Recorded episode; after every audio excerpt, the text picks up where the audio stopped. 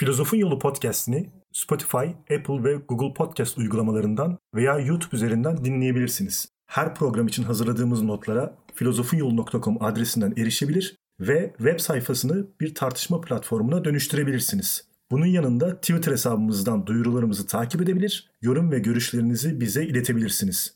Programımızın masraflarına Patreon'dan ortak olabilir veya daha fazla üretim yapmamız için bizi teşvik edebilirsiniz. Felsefenin sırtına çok şey yüklenmiştir. Ama o hepsini sırtından atmıştır.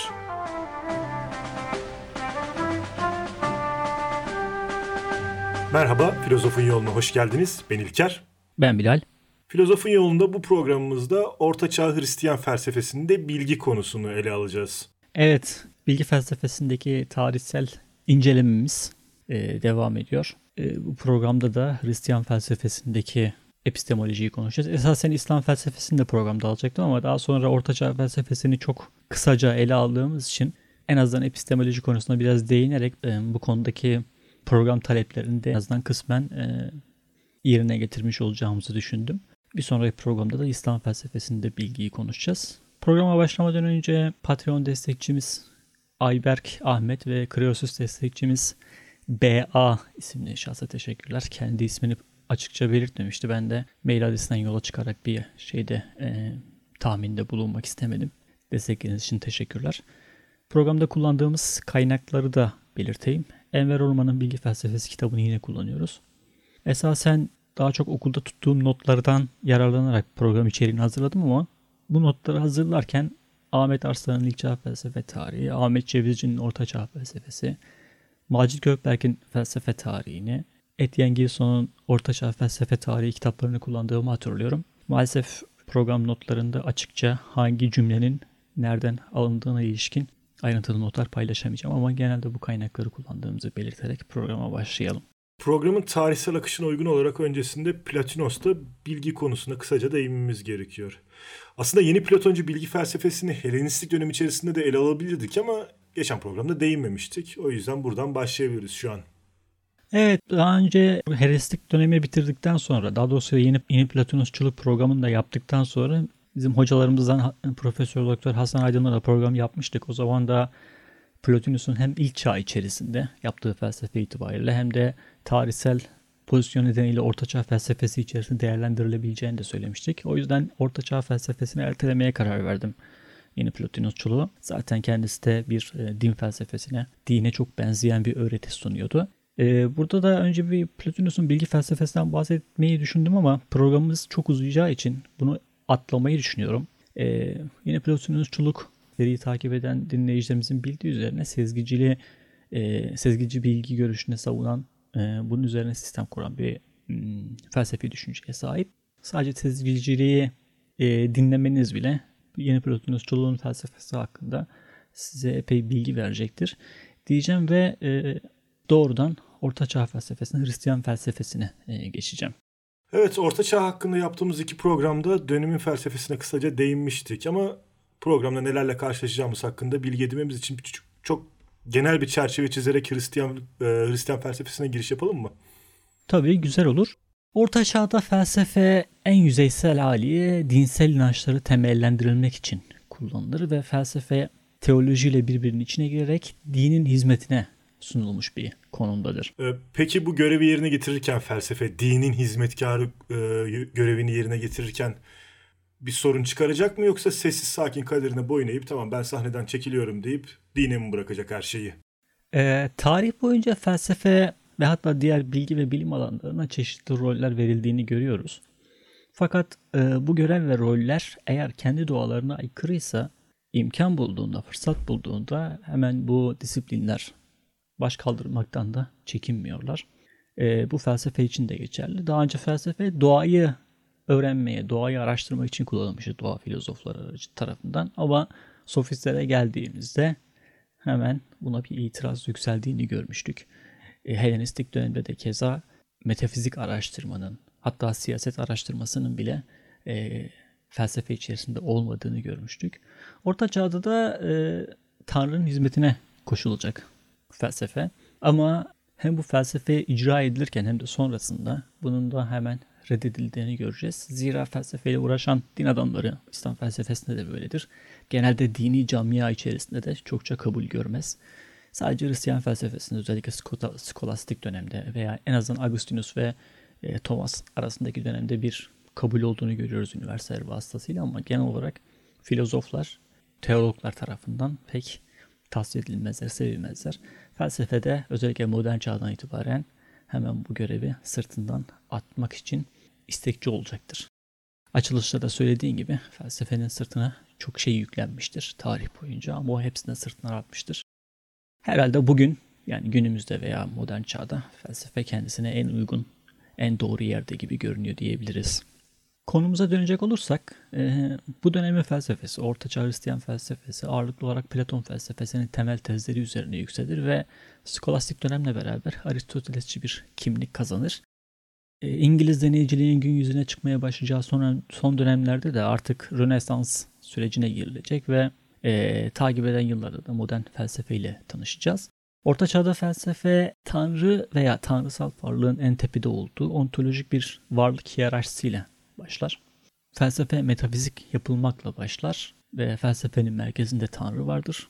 Felsefenin diğer iki dalı ana dalı olan epistemoloji ve etikte bu ontolojik kaynaktan beslenerek yapılır. Önce ontoloji tartışılır, önce metafizik tartışılır, daha sonra epistemoloji. Ontoloji tartışması da temelde ezeli ve değişmez olan varlık olan Tanrı'nın araştırılmasıdır. Peki bunları tartışırken felsefenin doğasında olan kuşkucu tavra şahit olacak mıyız bu dönemde? Otoriteye veya vahye e, duyulan inanç temel alındığı için bu dönemde eleştiriye ve şüpheciliğe yer yoktur maalesef. Fakat doğruya yönelik araştırma eğer dinle çelişmiyorsa kimi zaman teşvik edilir e, skolastik dönemde. Fakat bu da dinden çıkaracak derecede olmamak kaydıyla yapılmalıdır. Ortaçağ felsefesinin bir diğer önemli karakteri de dönemde önemli bir yer tutan tümeller tartışmasıdır. Abartılmış da olsa Ortaçağ felsefesinin tümeller tartışmasından ibaret olduğu dile getirilmiştir. Victor Cousin tarafından 19. yüzyılda. Çağın başlarında gerçekliğin zihinden bağımsız olduğu ve tümellerin gerçek varlıklar olduğu kabul edilse de skolastik döneme doğru artan Aristotelesçi eğilimle kavram realizmi daha sonra da nominalist düşüncenin benimsendiği görülecektir. Nihayetinde skolastik felsefe artan nihayetinde skolastik felsefede artan nominalist baskıdan dolayı çözülecektir. Bu tümeller tartışmasına biraz daha odaklanalım diyor e, diyorum Bilal. E, neden önemlidir tümeller tartışması? Evet, ilk çağ felsefesinde de bundan çokça bahsettik tümeller tartışmasından. Burada da birazcık bu konuya değinelim. Çünkü bu sonraki açıklayacağımız her şeyinde anahtarı niteliğinde olacaktır. Öncelikle tümellere yönelik olan düşüncelerden bahsedelim. Tümeller hakkında neler düşündüğünden bahsedelim akımların. Ee, Orta Çağ'da genel olarak felsefede tümellere yönelik 3 tane düşünce vardır. 3 tane bakış açısı veya 3 tane yaklaşım vardır. Bir tanesi aşırı realizm tutumudur. Burada tümel kavramlar e, tanrısal idealer olarak nesneden önce başlı başına olan objektif bir e, realiteye sahiptirler. Platon'un ideaları gibi. İkincisi ılımlı bir realizmdir. Tümel kavramlar nesneler içindedir. Nesnelerin özleriyle ilgili formlardır tümel kavramlar yine reel ancak nesnenin dışında ayrıca bir varlıkları yoktur. Nesneye içkindirler. Aristoteles'teki kavram realizmi. Son olarak da nominalizm vardır. Tümel kavramlar nesnelerden sonra gelir. Bizim sonradan kurduğumuz sübjektif kavramlardır bunlar. Sadece addırlar. Nomen Latince ad anlamına geliyor. Skolastik felsefe Hristiyan dogmasını e, Platoncu ve Aristotelesçi felsefenin kavramları içinde sistemleştirerek bunu akılla bağdaşan bir öğreti olarak temellendirmek istiyordu. Tümeller tartışması da bu dayanaklar üzerinde gerçekleşir. Tümeller tartışmasında tümel kavramlar ne biçimde vardır sorusunun yanında bir de tümel kavramları nasıl ediniriz sorusu vardır. Platoncu olan Agustinus'a göre biz tümel kavramları, ideaları Tanrı'da seyrederiz. Tanrı'dan gelen bir ışık, bir esin bize ideaları gösterir. Sonra nesnelerde yine buluruz bunları. Aristotelesçi anlayışa göre ise tümel kavramlara vardıran yol algıladığımız tek tek nesneleri karşılaştırma ve soyutlama üzerinden geçer. Tanrısal tindeki nesneleri yaratan ilk örnekler de tümel kavramları karşılar. Yani tümelin nasıl olduğuna ilişkin yaklaşımımız Tanrı'nın ve dinin nasıl algılandığı ile ilgili doğrudan ilintili önemli bir adım. Nominalist düşüncede ise sadece bireyin gerçekliği söz konusudur ve birey iç ve dış deneyli bilginin yegane temeli olacaktır. Bilginin temeli deney olunca da önermeleri deneyde kontrol edilemeyen rasyonel bir teolojinin ya da ruhun ölümsüzlüğünü tanıtlamak isteyen bir ıı, psikolojinin olmayacağı açıktır. Dolayısıyla Tanrı'nın birliği, sonsuzluğu, e, hatta varlığı kesin olarak tanıtlanamaz nominalist düşüncede. Tanrı ile gerçeği aşan, gerçeğe aşkın dünya ile dille ilgili bütün bilgilerimiz ancak inanç önermeleri olacaktır. Bu önermeler kutsal kitabın otoritesiyle kilisenin geleneğine dayanarak ancak inanılarak kabul edilebilir. Bunlar ne tanıtlanabilir ne de tanıtlamada ilkeler olarak kullanılabilir. Programda da göreceğimiz gibi Hristiyan felsefesindeki değişim yani önce aşırı realizm sonra ılımlı realizm sonra nominalizme geçişte Hristiyan felsefesinin 3 basamağını, 3 dönemine işaret edecektir. Tümeller tartışması yaklaşık 15 yüzyıla yayılmış Hristiyan felsefesini kökten değiştirecek kadar önemli bir tartışma. Diyelim ve e, patristik felsefeyle, Hristiyan felsefesinin ilk dönemiyle ve bu felsefeyi icra eden apolojistlerle konuya başlayalım. Dilersen bir soruyla giriş yapayım Bilal bölüme. Burada patrik ve apolojik kavramlarını biraz açar mısın? Yani daha önce biz bu kavramları duyduk ama yani üzerlerinde de pek durmamıştık. Evet. Patrik dediğimiz e, kilise babaları. E, herhangi bir kilisenin m, papazı değil de biraz daha yüksek kademeli böyle kardinal ayrıntılarını bilmiyorum tabii de şimdi e, sallamayayım buradan. Yani yüksek kademeli otoriter ne din adamlarından bahsediyoruz. Bunlara kilise babaları Patrik deniyor. Apolistler de ilk Hristiyanlığı anlatmaya çalışan kilise babalarına söyleniyor. Hristiyanlığın ilk metinleri apolojiler olarak ortaya çıkıyor ve bunları yazanlara da apolojist deniyor. Şimdi bunu biraz daha açacağım. İlk bu kilise babalarının ilk faaliyeti ve felsefeye girişlerini açıkladıktan sonra e, kilise babaları olan Hristiyan düşünürler dinlerini pagan felsefe ve gnostik spekülasyonlara karşı korumaya çalışıyorlar ilk başta. Düşünürler, yani bu Hristiyan düşünürler, bu koruma çabasında felsefeyi öğrenmiş ve böylelikle Hristiyan inancına felsefeyi sokmuşlardır. Daha sonra dini korumaya çalışan Gazali'de de benzer bir şeyi göreceğiz. Bu filozoflar felsefeyi kullanarak dini açıklamak ve anlatma kaygısı duymuşlardır. Ama o dönemde Hristiyanlık, Hristiyanlığın daha ilk dönemleri, e, İsa'dan sonra 1. 2. yüzyıldan bahsediyoruz. E, yamyamlık, ensest gibi suçlarla suçlanıyorlardı. Bunlarla karşılaşıyorlardı ve öldürülüyorlardı dönemin otoriteleri tarafından. Apolojiler de kendilerini öldürmesinler diye yazılmıştı. Hatta ilk kilise babalarından Atenagoras kan dökmeden tapıyoruz diyorlardı. Bizi öldürmeyin. Bizim tek derdimiz Tanrı. Biz sadece Tanrı'ya inanıyoruz diyorlardı. Hristiyan dini ve öğretisi felsefenin kavramları ve araçları kullanılarak temellendiriliyor bu dönemde ve yeni ahitin öğretileri bu kavram, bu felsefeyle açıklanıyor ve anlam kazandırmaya çalışılıyor. Bu süreçte de felsefenin ihtiyacı cevap veren hmm, tüm kısımları doğru kabul ediliyor ve sahipleniliyor. Hatta e, yine ilk dönem kilise babalarından Justinus ezelden beri söylenmiş her doğru bizimdir diyecektir. Bu da e, Herakleitos'ta, Stoacılar'da Hristiyan düşüncesine yabancı değildir sonucunu çıkaracaktır. Justinus da. Sokrates ise İsa gibi şehittir İsa tarafından vaaz edilen de yüce bir felsefedir ve bu Hristiyanlıktır.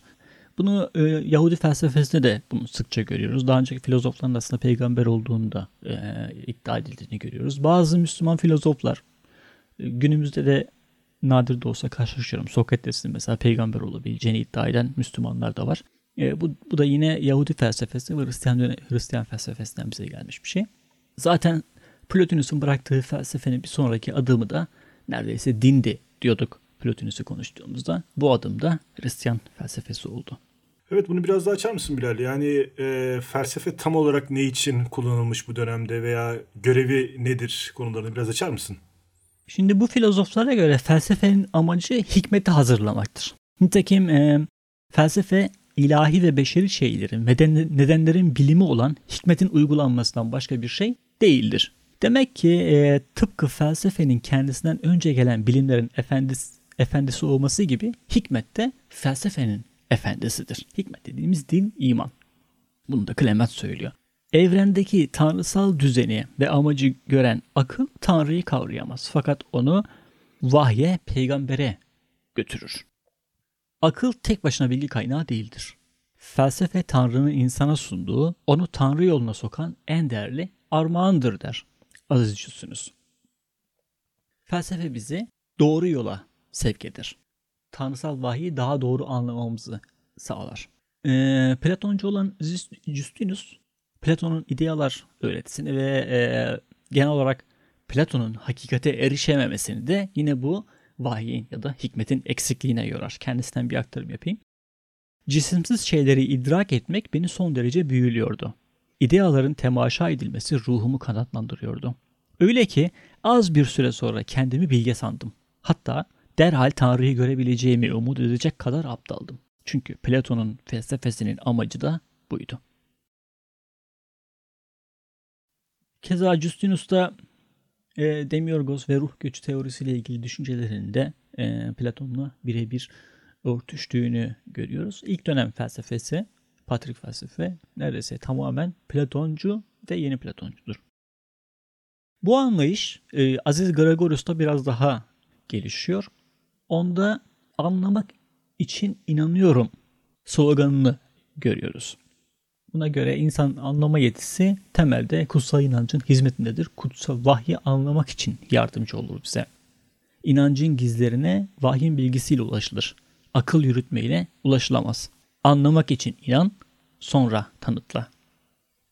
Bu e, Aziz Gregorius'un dile getirdiği anlamak için inanıyorum süreci nasıl işliyor tam olarak? Yani felsefeyle çeşitli doğrulara ulaşıp bunları işte iman ile sağlamlaştırıyoruz anlamına mı geliyor bu? Bunu daha sonra konuşacağız veya senin söylediğin şey daha sonra geleceğiz. Burada anlamak, kavramak için inanıyorum sloganı credo ut intelligam Skolastiğin ilk dönemine değin felsefe ve, vahiy ve vahyin ilişkisinde belirleyicidir. Vahyedilmiş bilgileri, vahyedilmiş doğruları inanarak kabul ediyoruz.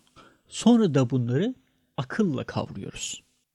Aynı içeriğe yani dine önce inanıyoruz. Sonra da bu içerik akılla ışıklandırılarak bilgi haline getiriliyor. İslam'da da bunu görebiliyoruz. Önce inanırız, ondan sonra anlarız. Veya önce inanıp daha sonra anlayanlar aklıyla araştırarak imana ulaşanların ulaşanlardan daha üstündür. Takvaca ondan daha üstündür. İslam'da da böyledir yani. İman akıldan üstün o zaman diyebilir miyiz burada? Evet. Aziz Agustinus'ta da aynı bu düşünceyi görüyoruz. Fakat bu aklın ve akılsal bilginin küçümsendiği anlamına da gelmiyor bu çağda. Akıl Tanrı'yı bilebilir. Çünkü e, bizi yaratan ve aklı bize veren Tanrı bunun hakikatlerini anlayıp iman edelim diye yapmıştır ama bir yere kadar bilebilir. Bundan sonrası artık imanın işidir. Bu arada Bilal dönem boyunca şüpheye neredeyse hiç müsamaha gösterilmediğini belirtmiştin. Ama yani insan merak ediyor yani gerçekten hiç mi buna yer yoktu? Hiç mi şüpheler yoktu insanlarda diye e, soracaktım. Şöyle birkaç yerde görüyoruz. Ee, Anselmus'ta göreceğiz. Bir de Agustinus'ta göreceğiz. Agustinus'un e, tatbiki biraz daha ilginç. Bizim için daha önemli gibi geliyor bana. Agustinus'ta bir yöntemsel şüpheciliği kullanıldığına şahit olacağız. Ona göre her şey tartışmalı olsa ve her şeyden şüphe edilse bile insan kendi varlığından şüphe edemez. Biz var olur, var olduğumuzu biliriz. Ve var olan ve bilen şey olan biz sevdiğimiz bir şeydir. İnsan e, duygusal bilgiye sahiptir ancak bu bilgi türü insanı aldatabilir. Bundan şüphelenebilir ama şüphenin kendisinden şüphe edilemez. Descartes'taki yaklaşımın neredeyse aynısını görüyoruz burada. Çünkü insan hakikate ulaşamadığı sürece mutsuzdur Agustinus'a göre. Bunun temel bir ahlak tezi var. Dolayısıyla insan bilmek ister. Fakat bilmek isterken de bu şüpheye şüpheye kapılma, kapılmak durumundadır. Dolayısıyla Agustinus e, hem mutluluğa erişmek hem de Tanrı'ya ulaşmak için şüpheyi kendisine bir basamak kullanarak Tanrı'ya ulaşmaya çalışıyor. Burada şunu sormak istiyorum Bilal bir de. Şimdi geldiğimiz bu noktada var olduğumuzu ve bilebildiğimizi biliyoruz artık. E tabi çağ uygun olarak sadece rasyonalist ve sezgici bilginin geçerli olduğunu da tahmin edebiliyorum. Ama en azından antik çağdaki Aristotelesçi anlamda da olsa bilgiye değer verildiğine şahit olacak mıyız? Şimdi e, Augustinus'un aklı küçümsemediğini e, söylemiştim. Zaten şüpheden şüphe edilemez anlayışının da rasyonel bir çıkarım olduğunu anlayabiliyoruz. Fakat Aristoteles antik çağdan itibaren bütün felsefe tarihi boyunca hemen hemen en azından klasik epistemoloji anlamında bilginin dereceleri konusunda genel bir genel çerçeveye uygun bir şekilde bir sınıflandırma yaptığını da görüyoruz. O da diğer antik çağ filozofları gibi bilgiyi duyusal ve akılsal bilgi olarak ayırıyor. Bir de bunun üzerine doğrudan bilgi diye bir katman ekliyor. Duyusal bilgi bildiğimiz gibi hayvanın da sahip olduğu bilgi türüdür. Bu bilgi zorunluluk içermez. E, ancak kanaat ve inanç olarak adlandırılır. Akılsal bilgi zihnin cisimsel olmayan soyut, ezeli ebedi varlıklar yani ideaları değerlendirebilen düzeydir. E, tümel olan idealar zihinden bağımsız gerçeklere sahiptir ve gerçeklik bu idealar düzeyinde, idealar evreninde e, söz konusudur sadece. Burada bir Platoncu olduğumuzu görüyoruz. Bir de cisimsel olmayan ezeli ebedi ve değişmez gerçekliklerin zorunlu doğrularına temaşaya da dayalı doğrudan bir bilgiden bahsediyor Agustinus. Burada artık aracı ve orantısallık söz konusu değildir. Doğrudan doğruya iyilik idesi temaşa edilir. Bu düzey hakikatin, hakiki bilginin düzeyidir.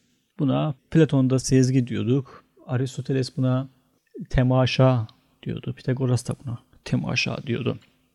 Bu doğrudan bilgiye nasıl ulaşacağız peki?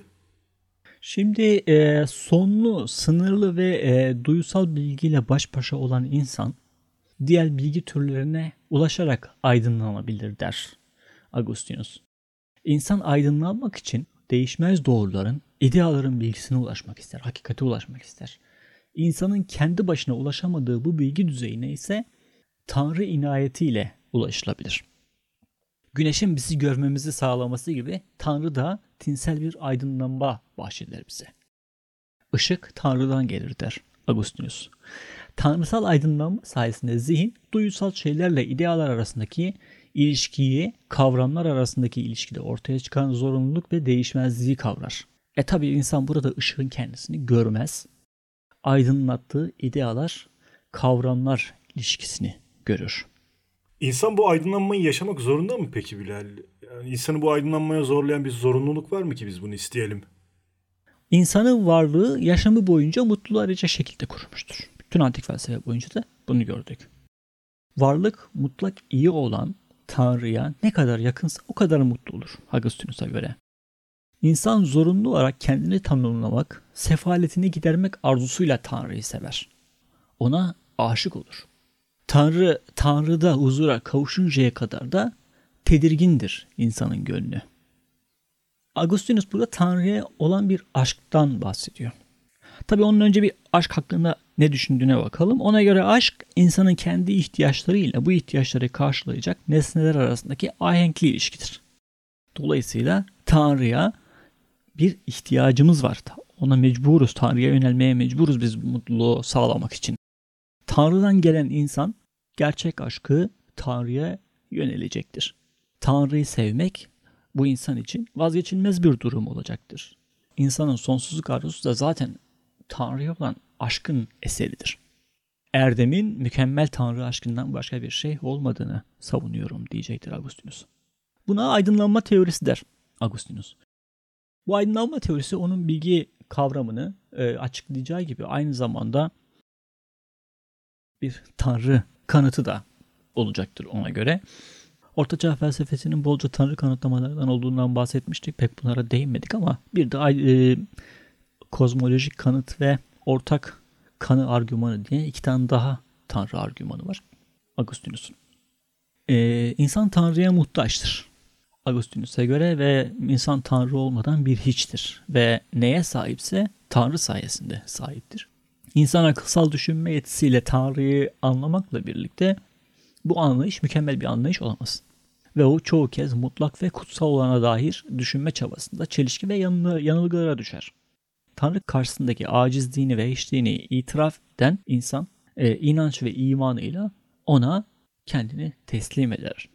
Hep şeydir yani metafizikte özellikle dinlerde Tanrı'nın kavranamaz aklın üzerinde olduğuyla dile getirilir ya. Burada da zaten buna benzer argümanları göreceğiz. Aynı şekilde akıl sahiyetimiz bize belirli bir oranda yetiyor ama hakikatin kendisini kavramamız için tanrısal düzeye erişmemiz gerekiyor. Bunda da Tanrı'nın inayeti bize yardımcı oluyor. İslam felsefesinde de bunu keza e, göreceğiz. Tabi aklı olan temayül, aklı olan e, yüce düşünce veya e, iyimser görüş e, Orta felsefesinde neredeyse hiçbir filozof tarafından paylaşılmaz. Yani ilk çağdaki kadar. Çünkü ilk çağ aklı yaratmıştır diyorduk ya. Orta çağda tam olarak akıl değil vahiy e, ön plandadır. Peki buna göre biz Tanrı'yı bilebiliyor muyuz ya da biliyorsak nasıl bilebiliyoruz? Tanrı'yı biz bilebiliyoruz ama birkaç farklı şekilde, birkaç farklı yöntemle veya birkaç farklı yaklaşımla Tanrı'ya ilişkin bilgiye sahibiz. Burada e, sahte Di- Dionysos'un sınıflandırması bizim yardımımıza koşacak. Sahte Dionysos'a göre via affirmativa, via negativa, via eminentia diye üç tane sınıflandırma yapıyor. Via affirmativa pozitif teoloji. Tanrı'yı yaratıklarını gözleyerek bilmek anlamına geliyor. Tanrı burada ne kadar niteliklerine göre betimlense de bu isimler Tanrı'nın gerçek doğasına ilişkin sağlam bir kavrayış sunmaz bize. Tanrı'nın sadece var olduğunu biliriz. Yarattıklarından yola çıkarak. Bunlar Tanrı'nın eseridir. Demek ki Tanrı vardır en kaba görüşle. Böyle bir bilgiye sahibiz Tanrı'ya yönelik. Bir de via negativa var. Buna negatif teoloji deniyor. Tanrı hiç bildiğimiz hiçbir kavram ve nitelikle anlatılamaz. Ona ilişkin her şeyi red ve inkar ederiz. Hiçbir şeye benzemez denir ya Tanrı için. Çok fazla sıfatı vardır kutsal kitaplarda da ama hiçbir şeye de benzemez aynı zamanda. Biz onu tanıyamayız. Dolayısıyla ona isim de veremeyiz. Tanrı anonim bir kimlik taşır. Artık e, mistik bir bilinmezlik alanındayız ve e, bilinmez olanın karanlığındayızdır. Tanrı bu karanlıkla bilinebiliyor ancak. Yani bilinemiyor. Hiçbir şeye benzemeyen. Hiçbir şeye benzemeyen bir şeyi biliyoruz. Yani hiçbir şey bilemiyoruz aslında bir yandan da. E, Dionysos bir de teşbih yönteminden bahsediyor. Via eminante. Önce kutsal yazıların bize verdiği tüm isimleri uygulamak, buna inanmak. Hemen sonra da bütün bu isimleri yatsımamız gerekiyor. Sonra Tanrı'nın insan aklı tarafından kavranamaz bir anlamda bu isimlerin her birini hak ettiğini kabul ediyoruz. Çünkü o bir mega varlıktır, mega iyiliktir. Negatif teolojinin başka bir formu şeklinde. Yani biz bu dünyada aklımızda Tanrı'yı bilemiyoruz kabaca. Sadece var olduğunu biliyoruz. Bu program başına bahsettiğimiz tümeller tartışmasına dönmek istiyorum Bilal bu arada. Ee, bu tartışma ilk nasıl başlamıştır, nerede başlamıştır? Ondan bahsedebilir misin? Evet, e, tümeller kavgasını veya tümeller tartışmasını başlatan Boethius'tur. Bu Agustinus'tan sonra patrisliğin son döneminde yaşayan filozof. Aristotelesçi mantıkla beraber Boethius'un kavram realizmine Hristiyanlığa kazandırdığına şahit oluyoruz. Fakat bu ıı, o dönemde çok fazla tartışmıyor. Esasen skolastik dönemde daha yoğun tartışıldığını görüyoruz tümeller konusunu. Boethius bu tartışmayı felsefenin tesellisi diye yazdığı bir eserle başlatıyor. O sırada e, büyücülükle suçlanıp hapse atılmıştır. Hapiste yazıyor bu eseri. Eserde de felsefeyle geçmişi hakkında konuşur ve felsefeden veya hikmetten öğüt alır Boethius. Boethius da ilk defa tümelerin ılımlı bir realizmle açıklandığını görüyoruz. Tümeller dış gerçeklikte bazı varlıklar denk gelmiyor ve fakat e, gerçeklikle şekilleniyor. Ona dayanıyor. Gerçekliğe içkin bir şekilde var oluyor. Tabi bu anlayışla da felsefe ve bilim yapılmasını öğütleyecektir felsefe doğal olarak. Peki e, bu dönem için hangi bilimleri icra etmek kabul görülüyor ya da hangilerine izin veriliyor ya da işte Agustinus'taki gibi sadece teolojiye yönelmiş bir bilim mi söz konusu oluyor? Agustinus en yüce bilimlerin tanrı ve ruh bilimi olduğunu söylüyordu. Fakat dönemde diğer bilimler de icra ediliyordu ama bunların sistemli olmadığını görüyorduk. Bu bilimlerin ilk defa Boethius'ta bir kimlik kazandırıldığını e, görüyoruz ve bilimler sınıflandırma yapılması bilimler sınıflandırması yapıldığını görüyoruz. Yine Aristoteles çağında bir bilimler sınıflandırması yapılıyor tabi. Felsefe önce klasik bir şekilde teorik ve pratik bilimler olarak ikiye ayrılıyor. Teorik bilimlerde ilki idrakle kavranan e, teoloji, ikincisi akılla kavranan psikoloji bilimi, diğeri de doğal olanların bilimi olan fizik bilimidir. Dört sanatla icra edilir. Bunlar e, quadrivium, dört yol, dört disiplin olarak e, e, geçiyor ve aritmetik, astronomi, geometri ve müzik bilimleridir. Bu disiplinlerle elde edilen bilgileri ifade etmek için de üç tane disiplinden bahsedecek bize bu Aetius. Gramer, retorik ve mantık. Bunları toplam 7 sanatı oluştururlar ve skolastik dönemde okutulan sanatlarda bunlar olacaktır. Günümüze de yine bu sanatın ulaştığını görüyoruz. E, pratik felsefede de kişi e, hane halkı ve toplumu toplumu düzenleyen ve yöneten felsefe olarak üçe ayrılıyor. Ama yine de en yüksek bilim yine teoloji olacak değil mi? Evet, en yüksek bilim saf düşüncenin nesnesi olan idrak edilebilirin bilimidir ve en kusursuz idrak edilebilir de kuşkusuz Tanrı'dır. O mutlak iyi ve mükemmel varlıktır. Mükemmel olmayan bizler ise mükemmel bir varlığın zorunlu delilleriyiz. Bu yüzden mükemmel, tüm iyiliklerin temel öğesi varlıktan kuşku duyamayız. Tanrı'dan pay alan, onun parçası olan insan da Tanrı'ya katılmak suretiyle mutluluğa erişecektir. Yeni Platoncu kimliği görebiliyoruz burada. Tanrı ile ilgili bu e, teolojik kavramlar felsefenin tesellisi eserinde kutsal metinden destek alınmadan yazılmıştır.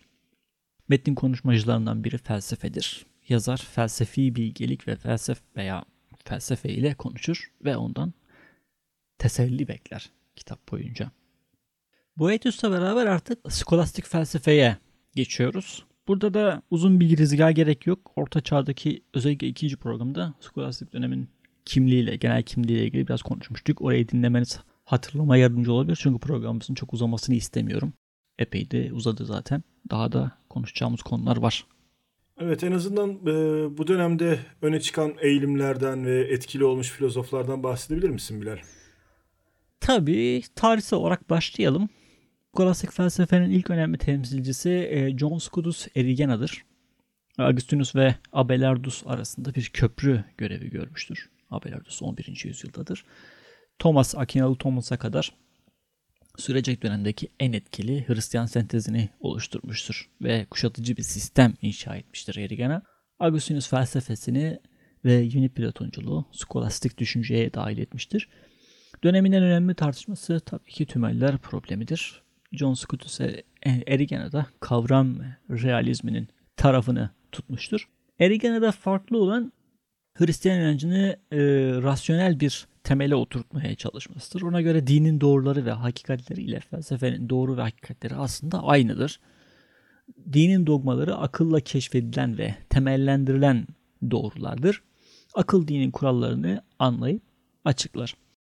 Akıl kutsal metinlerdeki e, gizli olan gerçek manevi anlamı gün ışığa çıkartmak için imanı tamamlar bir niteliktedir. Doğru akılla tasdik edilmeyen her otorite güçsüz kalacağından vahiy akıl çelişkisinde tercih akıldan yana kullanılmalıdır. Aklı yüceltiyor Agustinus'un tersine veya Agustinus'tan daha fazla yüce bir yerde tutuyor. Böyle düşünen birinin biraz dönemi için e, cüretkar olduğunu hemen düşünebiliriz tabii. Nitekim o da e, bir rivayete göre Fransa'dan İngiltere'ye Oxford'a ders vermeye gidiyor. Bu sırada Oxford'da öğrencileri tarafından bıçaklanarak öldürülüyor düşüncelerinden dolayı. Hristiyan imanına ilişkin e, rasyonel bir analizin dini kuşkuculuğa yolu açmaktan ziyade imanı anlamak için yapılmasını zorunlu gören gören bir diğer önemli skolastik düşünür de Anselmus'tur. Akıl ve iman ona göre hiçbir şekilde karıştırılmamalıdır. İnsan en, yüksek hakikati bilmek araştırmasına imanla başlar. Biz önce otoritenin gizlerine iman edeceğiz. Sonra inananları anlamaya ve temellendirmeye çalışacağız.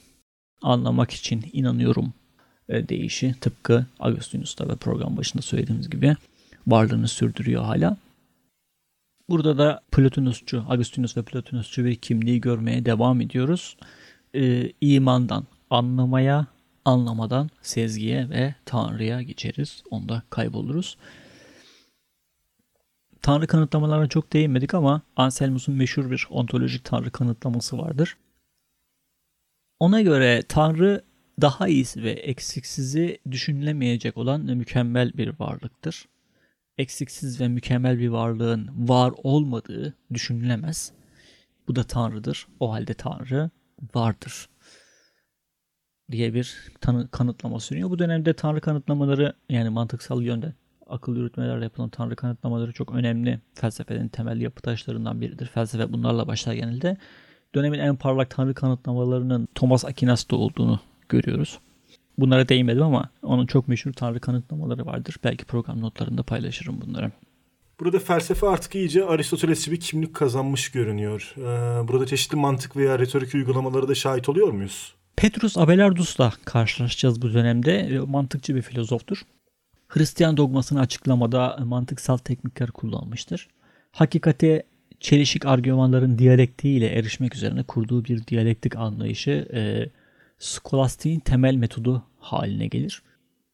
Bilgi konusunda evet vahiy yine öncelenir fakat e, dini dogmalar mantık ve diyalektiğe uygun olacak şekilde ifade edilmelidir. Argümanların formel incelemesi, gramer ve, ve sentaksi ile araştırmalar yapılır. Tümeller konusunda da yine Abelardus kavram realizmini benimser. Fakat ona göre tümeller ontolojik bir sorun değil, daha çok mantıksal ve epistemolojik bir problemdir.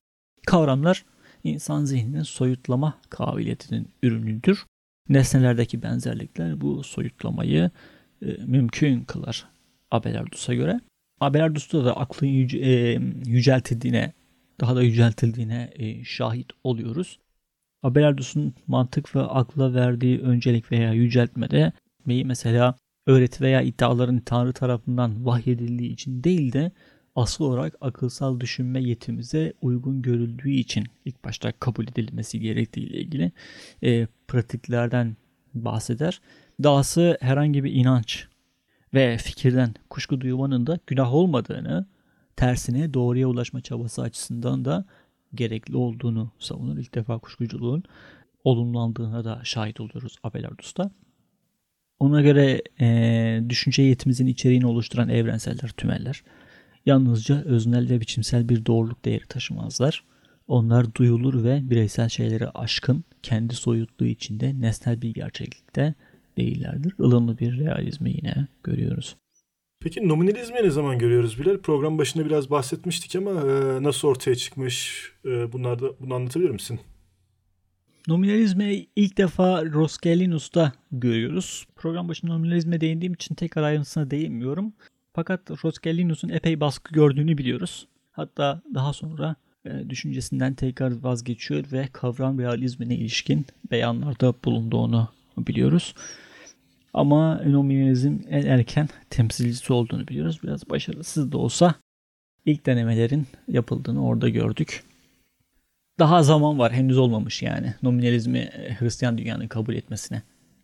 Buradan konuyu Thomas Aquinas'a getirmek istiyorum. Bilal ismini de çok duymuştuk. Sen de program içerisinde söz ettin onu sorayım dedim. Yani Skolastik'in en öne çıkan düşünürlerden biri aynı zamanda böyle biliyoruz. Ondan konuşabilir miyiz biraz? Platon ve Aristoteles e, klasik dünya için neyse Aquinas da orta çağ için odur diyebiliriz. Teoloji ile felsefenin, iman ile aklın, e, Hristiyan doğru dünya görüşüyle klasik dünya görüşünün en sağlam sentezini yapmış bir filozoftur. Tabii bu sentez onun metafizik, epistemoloji, etik ve siyasetine de uygulanmıştır. Rasyonelist bir filozoftur ve bu tavrı gereği de dini hakikatlerin iman temeliyle kabul edilebileceğini, bunun yanında aklın doğal ışığı ile kanıtlanabilecek hakikatlerin de bulunduğunu gösterir. Thomas'a göre vahiy ile akıl e, iki ayrı bilgi kaynağıdır. Bize başka şeyler, başka başka şeyler üretirler. İnanma ve bilme birbiriyle örtüşmez esasen. Birbirlerini karşılarlar sadece. İnancın çeşitli öğütleri mesela üçlü tesis, efendime söyleyeyim dünyanın yedi günde yaratılması gibi aklı tamamen absürt olmasalar bile bunlar aklın üstünde olan şeylerdir. Aklın kavrama gücünü aşan şeylerdir bunlar. Yine de aklı hiçbir şey bilmez değildir. Dinin bilinebilir temel kısımlarını da akıl bilebilir. Mesela Tanrı'nın var olduğunu, e, sonsuz ve tinsel olduğunu akıl bilebilir. aklı yücelten ona başka bir konum, belki imanla yan yana bir konum veren Akinas da artık anlamak için inanıyorum yerine e, inanmak için anlıyorum önermesinin konulduğunu görüyoruz. Yani akıl artık imanı önceliyor ama imanın veya vahyin üstünlüğü baki. Evet, bilgi insana en yüksek ışığı vahyi benimseyip anlaması için ancak ön koşullar sağlar. Bundan sonra da onu asıl vahiy aydınlatır Thomas'a göre. Bilim inanç tapınağının bir giriş holü gibidir. Ancak girişi aydınlatır. Tapınağın asıl içini aydınlatan da vahyin doğrularıdır Akinas'a göre. Akinas'ta farklı olarak akla dayalı bir teoloji olduğunu görüyoruz. Bu da e, salt kanıtlamalardan meydana gelen bir disiplin olarak kendisinde felsefe ile teolojiyi birleştiren bir bilimdir bu doğal teoloji. Doğal teolojinin amacı Aristoteles felsefesinde eksik olan metafiziği Hristiyan metafiziğiyle tamamlamak ve çağın ihtiyaçlarına uygun bir sentez yapmaktır. Felsefe ile teoloji artık örtüşür, vahiy ile akıl çatışmaz, birbirlerini destekleyip tamamlarlar. Akinas'ta bilgi Aristoteles'te olduğu gibi deneyle mi başlar? Akinas bilgi derken bilgilenme sürecinden bahsediyor. İnsanın e, basit idraktan felsefi dönüşüm sürecine doğru gelişen anlama sürecinde zihin kendi doğasının yetkinliklerini arar ve kendini gerçekleştirme mücadelesi içine girer. Kendi kendini gerçekleştirme de Akinas'ın etiğinde ilk dünyevi amaç olarak karşımıza çıkar. Bilgilenme sürecinin ilk adımı evet Aristoteles'teki gibi duyu algısıdır. Duyu algısı kendi başına bir şey ifade etmez ama o sadece e, duyu verilerinin işlendiği psikofiziksel bir süreçtir. Farklı duyumlardan farklı duyular, duyu verileri alınır ve bunlar ortak duyu sayesinde bir sentez yapılır, senteze uğrar. Ortak duyuya da muhayyile, yani hayal gücü ve bellek gücü de eklenir. Fakat duyular sadece tikelleri algılar. Duyusal nesnelerden, tikellerden var olan, soyutlanan tümeller etkin aklın tikellerde örtük olan tümel aydınlatması ile açığa çıkar. Edilgin akıl duyularla ilgiliyken etkin akıl e, duyulardan, tümellerden, tümellerin çıkarılması ile ilgilidir. Bu sentez ve soyutlama süreci duyu izlenimlerinden tümel kavramlara doğru bir e, mutlak süreklilik içerisinde işleyen bir süreçtir. Kinas'la birlikte Katolik Kilisesi inanç ve bilgi, din ve felsefe ilişkisinde birbirini köktenci bir şekilde dışlamayan, daha paralel ve uzlaşmacı bir anlayışla evrilir. Yalnız deneysel bilimin bin yıldan fazla süre boyunca gündeme gelmemesi çok şaşırtıcı değil mi? Ki üstelik ortada üniversite gibi bir kurum da var. Üniversitenin varlığına rağmen bunun gündemde olmamasının özel bir nedeni var mı? Evet bu e, ilk başta tümeller tartışmasında gördüğümüz gibi e, tümellerin tümellere yönelik anlayış ve kavrayış deneysel bilgiye olan ilgi veya değeri de doğrudan değiştiren bir şey. Aşkın bir tanrı ve hakikatten bahsettiğimiz bir ortamda akılla bile ulaşılamayan bir hakikat e, anlayışı olduğu bir ortamda duyu verisi gibi varlığı reddedilmeyen fakat değersiz olduğu ortak bir şekilde onaylanan bir bilimin kolaylıkla kendine yer bulması da pek kolay değil maalesef. Bunun için bunu iddia etmek her şeyden önce yürek isteyen bir şey. O dönemde eğer duysal bilgiyi onaylıyorsan Tanrı'yı reddetmek durumunda kaldığın bir ortamdan bahsediyoruz. Ta program başında nominalizmle ilgili düşüncelerimizde, nominalizmle ilgili açıklamamızda bunu gördük. Fakat bu eninde sonunda yaşanıyor elbette. Roger Bacon'da görüyoruz bunu.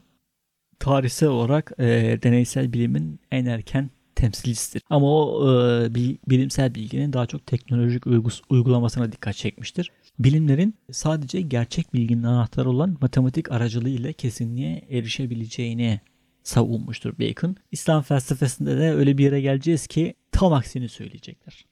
Matematik kullanılmamalıdır diyecekler. Aradaki fark da bu olacak. Bu kadar önemli yani bilimsel gelişme. Bacon tabi elbette Hristiyandır yine de. Dinsiz veya şey değildir. Yine kilisenin içerisinde skolastiktir. Ama o bu hmm, tanrı nuruyla, tanrısal aydınlanmayla pozitivist düşünce, bilimsel düşünce neredeyse at başı şekilde e, savundu, savunan bir noktadadır.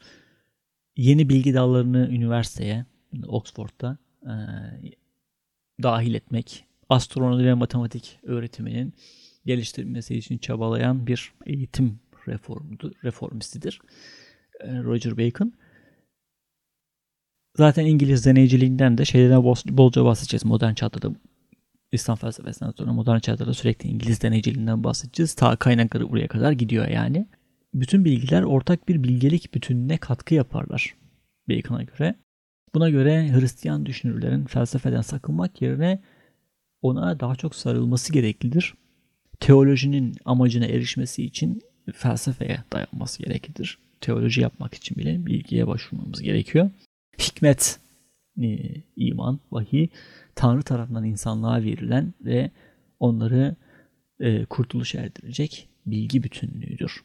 Bu bilgi bütün pagan filozoflardan başlamış ve kutsal kitapta doruk noktasına erişmiştir. Bu skolastik okullarda e, yetişen öğrencilerin görkemli bilgelik anıtına kendi küçük taşlarını eklerken de hepsi bu amaca hizmet edecektir. Bilginin üç kaynağı vardır.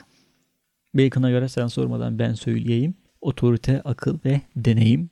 Otorite yani vahiy öne sürdüğü şeyin sebebini bize vermedi, vermediği sürece bilgimize katkıda bulunmaz der Bacon. Akılda sonuçları e, deneyim tarafından doğrulanmadığı sürece doğruluğu bilinmez diyecektir Bacon. E, ve insanın şeylerin doğasını anlayarak yani deneysel bilim yaparak anca öğrenebileceğini e, söyler ve hatta bu bilme yöntemiyle Tanrı'nın doğasını da anlar diyecektir. Böyle yüceltiyor deneysel bilimi. Yani tabii böylece de e, teolojinin yine en yüksek bilim olarak kalması da kaçınılmaz olacaktır değil mi? Evet. E, Bacon'da bilimlerin daha çok pratik uygulamasına yönelik kavrayış olduğunu görüyoruz. Ona göre bilimler insanın nihai amacına hizmet eder. Fakat en yüksek bilim bizi gerçek mutluluğa, kurtuluşa erdirecek bilim teolojidir. Ama bu teoloji doğa bilimlerini ve felsefeyi kullanan bir teolojidir. Diğer kendisinden önceki e, filozof veya kilise hmm, babaların aksine. Bacon deneysel bilimin icrasında bir yol haritası veya yöntem öneriyor mu Bilal? Evet onda bir e, Scientica Experimentalis deneysel bilim kavramının ve nasıl icra edilmesine ilişkin e, bir anlayış olduğunu görüyoruz. Fakat bundan önce bizi bilgiye hazırlayan ya da bilgiden engelleyen bazı şartların veya bazı koşulların olduğundan bahsediyor Bacon. Ona göre bizi bilgiden alıkoyan dört tane neden vardır. Bu nedenlerden kurtulmadıkça doğru bilgiye erişemeyiz. Bu nedenler yanlış ve değersiz otoriteye teslim olmadır. Bu otorite vahiyden ziyade alanında kabul görmüş önemli isimlerin, önemli kaynakların yanlış bilgilerine itiraz etmek veya araştırmak yerine olduğu gibi kabul etmekten bahsediyor daha çok. Hatta e, skolastik felsefeden bahsederken bunu tarih kitaplarında pek okumadım ama daha çok birazcık böyle okulda konuşulduğunu hatırlıyorum. Aristoteles'in bilgisi mesela önemli bir otoritedir ve Aristoteles'in söylediği her şey doğru olarak kabul edilir. Doğrudan hiçbir şekilde itiraz edilmez Aristoteles'e. E, hatta onun bir e, biyoloji kitabında aslan aslan resmi mi var veya tarifi var, yele, yelesi var aslanın. Bu skolastik öğrenciler bir hayvanat bahçesine ya da bir şeye gidiyorlar. Sirke gidiyorlar. Yelesi olmayan aslanlar görüyorlar ve aslan olmadığını söylüyorlar. Çünkü kitapta şey yazmıyor. Aslanların yelesi olduğu yazıyor. Dolayısıyla bu aslan değildir diyor. Gözüyle görmesine rağmen. Ya da günümüzde mesela Nobel'li bir yazar. E, Nobel'li bir bilim adamı bir şey söylese kesin doğrudur.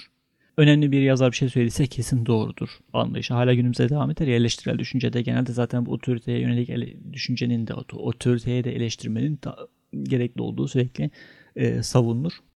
Otorite safsatası. Evet evet doğrudur. Bir diğer neden geleneğin alışkanlıkların etkisidir. Bir diğeri yaygın ön yargılardır. Bir de bilgisizliğimizi gizlemek için başka bilgiler teşhir etmekten bahseder. Ona göre bu en tehlikelisidir. Bilmese bile bir şeyler söyler. Vardır ya öyle şakaları da bazen konuk olur. Televizyonda bazı hocalara absürt sorular sorarlar. Adam biliyormuş gibi cevaplamaya çalışır. Yani soru anlamsız bir sorudur hakikaten. Aslında adamla dalga geçmeye çalışıyor soru soran da o hakikatmiş gibi cevaplamaya çalışıyor. Adam kendi bilgisizliğini yani şaka bile olsa bu gizlemek için bir şey biliyormuş gibi, soruda anlamlıymış gibi cevaplamaya devam ediyor. Bunlardan kaçınmamız gerekiyor. Bu, bu Keanta Experimentalis deneysel bilimi icra etmemiz için. Bu deneysel bilgi bu deneysel bilgi bir bilimsel reform hedefler her şeyden önce ve bu felsefeyle icat edilecektir elbette. Felsefe bir yandan putları kıracak, insan zihnini aydınlatacak, diğer yandan da etikle insanı en üst noktaya taşıyacaktır. Deneysel bilim her şeyden önce kanıtlanmış, sonuçları deneyim yoluyla tasdik ve teyit edilen e, diğer bilimlerin asla kanıtlayamayacağı hakikatlere ulaşacaktır. Ona göre iki tür deneyim vardır. İlki doğaya ilişkin, doğayı deneyimlememizdir. Diğeri de manevi bir anlama sahip olan insanı e, yüce hakikatlere götüren iç deneyimdir. Son olarak da Occam'lı William'a geliyoruz ve konuyu bitireceğiz. Occam'lı William da e, nominalist bir filozoftur. Artık Scholastic'in çözülme döneminde yer alır kendisi. Onu daha çok epistemolojik ve e, ontolojik bağlamda var olan gerçekliklerin sayısının gereksiz yere arttırılmaması ve en yalın açıklamanın doğru açıklama olduğuna ilişkin görüşüyle biliriz ve Occam'ın musturası deyişiyle biliriz bunu. Aynı şeye ilişkin birkaç açıklama varsa en kısa ve en yalın olan açıklama en doğrusudur.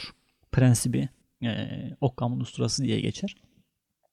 Ortaçağ realizmin üzerine inşa edilen epistemoloji ve metafiziği reddetmiştir. Felsefe ve teolojiyi de birbirinden kesinlikle ayırmıştır Occam'la William. Bilginin tanrısal aydınlanmadan ya da özlere ilişkin rasyonel kavrayıştan değil de Tikel'in deneyimden oluşumunu ifade eder. Tam bir nominalist olarak. Tanrı kanıtlamalarında reddetmiştir. Tanrı'nın ne varlığı, ne birliği, ne de sonsuzluğu kanıtlanabilir diyecektir. Akıl imanı destekleyemez ona göre. Hatta ona hiçbir katkı sağlamaz. İkisi birbirinden çok farklıdır. Akıl imanı desteklemek isterse ancak ona zarar verir. İmanın dogmalarıyla çelişse dahi yapılması gereken dogmaya sarılmaktır. İmanını sürdürmeye devam ediyorsun. Ben e, Thomas'la ilişkin notlarıma göz yazırken pek karşılaşmadım ama Hasan Hoca ile konuştuğumuz programda Thomas Aquinas'ın da aslında akıllı imanı uzlaştıramadığından bahsetmişti. O programı dönüp hatırlamak isteyenler olacaktır. Nitekim biz de programımızda sıkça söylediğimiz gibi akıllı imanı uzlaştırma hele günümüz felsefesi, günümüz dünyasında akıllı imanı kesinlikle uzlaşmadığından çokça bahsediyoruz. Bunun kabul gördüğünden de çokça bahsediyoruz. Bilimler, e, gerçek bilimler ve rasyonel bilim olarak ikiye ayrılır. Gerçek bilimler bizim bugün doğa bilim dediğimiz şeyler fizik, psikoloji, kozmoloji vesaire. Rasyonel bilim dediği de mantık. Biz bugün mantığı disiplin olarak kabul ediyoruz, bilim olarak kabul etmiyoruz. Mantığın amacı gerçek bilimlerin terimleri ya da göstergelerini nasıl anlamlı bir şekilde kullandıklarını ortaya koymaktır. Tıpkı bugünkü amacına hizmet eder. İnsana açık olan biricik bilgi türü ampirik yani bireyin tikelin bilgisidir. Bilim genel bilgiye yöneldiğinden mantık bunlardan yola çıkarak genel önermeleri kurar. Değil mi? Yer çekimi, yer çekimi genel her şeyi kapsayacak şekilde kullanıyoruz. Tek tek şeyler için ayrı ayrı kanunlar hazırlamıyoruz. Tümel yalnızca bir terim, tasarruf sağlayan bir uzlaşım aracı. Bilimsel olarak kullanılan bir alettir. Daha fazlası değildir. Zihinden bağımsız bir gerçekliği yoktur. Evet, epey uzun program oldu. Orta çağdan bir daha bahsetmek istemediğim için özellikle bir saat program uzun tuttum yani ne yalan söyleyeyim. Çünkü epey ta- talep eden var. Ama orta çağdan konuşmayı da hiç sevmiyorum. İşte 1500 yıllık epistemoloji işte bu yani. Bir şey olmamış yani orta çağda. Gayet statik bir dönem felsefe açısından. Hatta şey insan düşündükçe sinirleniyor yani orta çağ. ee, bir sonraki programda İslam felsefesinden bahsedeceğiz. İslam felsefesi muhtemelen daha kısa tutacak. Altı üstü 200 yıllık bir tarihi var zaten. Hani zorlasan 300 yıl. O da Hristiyan felsefesi kadar en azından mutlu sonla ermeyen bir felsefe. Biraz daha üzücü olacak muhtemelen bizim için de. Gelecek programda görüşmek üzere. Sen kalın. Hoşçakalın.